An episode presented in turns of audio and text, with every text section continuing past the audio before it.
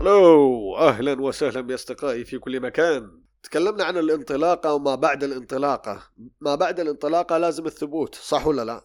لكن في شيء ثاني ممكن يواجهنا وهو يعني أخطر من العقبات اللي ممكن تواجهنا أو أخطر من إن الأمور تكون سهالة اللي هو فترة ال ال ال ال ال الكساد الخمول الركود الموت لما السوق يوقف. فترة الركود هذه من أخطر الأشياء على مقدم الخدمة أيا كان سواء في مجال الإعلام أو خلافه أو كذا. طبعا العمل في المجال الإعلامي أو المجال الفني هي عقود ممكن تستمر سنتين ثلاث سنوات ممكن شهر ممكن يوم صح ولا لا؟ فممكن تواجه فترة ركود طويلة. إيش تسوي؟ أنا بتكلم بما أنه البودكاست تبعي أنا وأتكلم فيه عن عزلتي لا اعتزالي أبى أعلمكم فايدة عزلتي. قعدت مع نفسي وناقشت نفسي قلت يا محمد الآن أنا عندي فترة ركود وش أسوي؟ قمت راجع أعمالي خلصت أعمالي اللي راجعتها. قمت أكتب لقيت الإلهام حق الكتابة يوقف معاي. يا الله شلون؟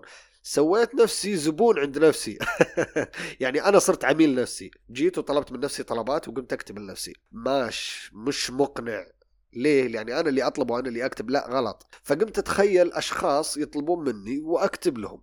لا تقولون أنت نفسية أو مثلا لا لا بالعكس هذا تمرين جميل جدا وكويس إنك تطور نفسك بنفسك اللي هو التعليم الذاتي ولكن بطريقة أو صورة أخرى تمام؟ فأنا مع نفسي قررنا نطلع للشارع فرحنا الكافيهات. طبعا الفترة ما بين 2009 إلى 2013 كانت الكافيهات للشباب تقريبا يعني ملجأ. يقعدون فيها من عقب العصر لين الليل لين يقفل لين يطردهم.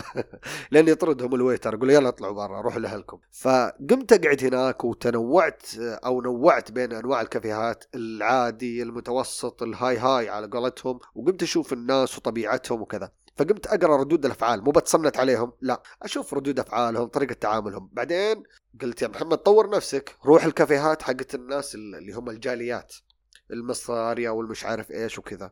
فقمت أشوفهم يلعبون زهرة ويلعبون كذا ويجون بعد يوم طويل كل واحد يسولف عن دوامه وكذا. فخذيت فكرة أكثر عن الإنسان نفسه. فرجعت للبيت وأنا معي قلمي ورقتي أرسم الشخصيات اللي في السيناريو أو في القصة السينمائية. أو في الدعاية ممكن. فلما أرسم الشخصية أرسمها صح لأني شفتها عايشة قدامي. صح ولا لا؟ طيب في ناس ممكن تسمعني الآن وتقول طيب أنا أعمل في مجال التجارة أو في مجال التسويق أو العلاقات العامة أو أي فن من فنون الحياة. بقول لك بتجيك فترة ركود.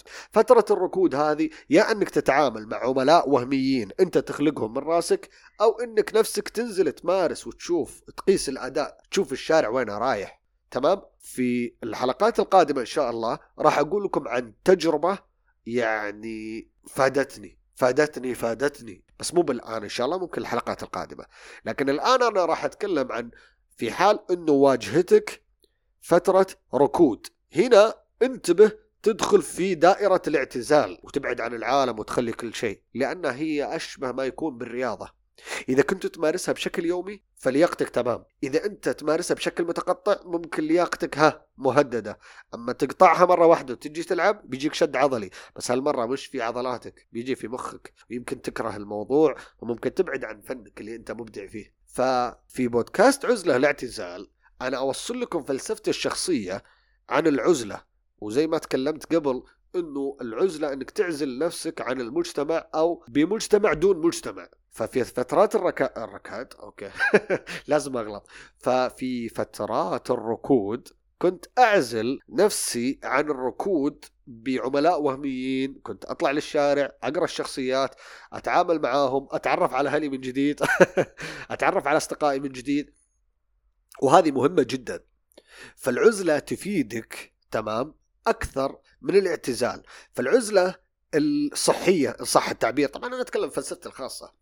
فخلتني في ذيك الفترة أقعد مع نفسي وأفكر وأناظر يمين ويسار وش صار وش ما صار. لأني لما جلست لحالي راجعت أعمالي خلصت. طلبت طلبات من نفسي وسويتها. طيب رحت أسويها حق عملاء وهميين. نزلت الكافيهات وشفت الشخصيات وتفاعلهم. آها. طيب أه يسأل سائل من الناس يقول يا محمد أنت تتكلم الآن عن العزلة. مو بالعزلة أن الواحد يقعد لحاله؟ صح. وبرضه ممكن يقعد بناس دون ناس. لأن أصلا العزلة من إيش؟ من عازل يعزل شيء عن شيء ولكن يدرون عن بعض. صح ولا لا؟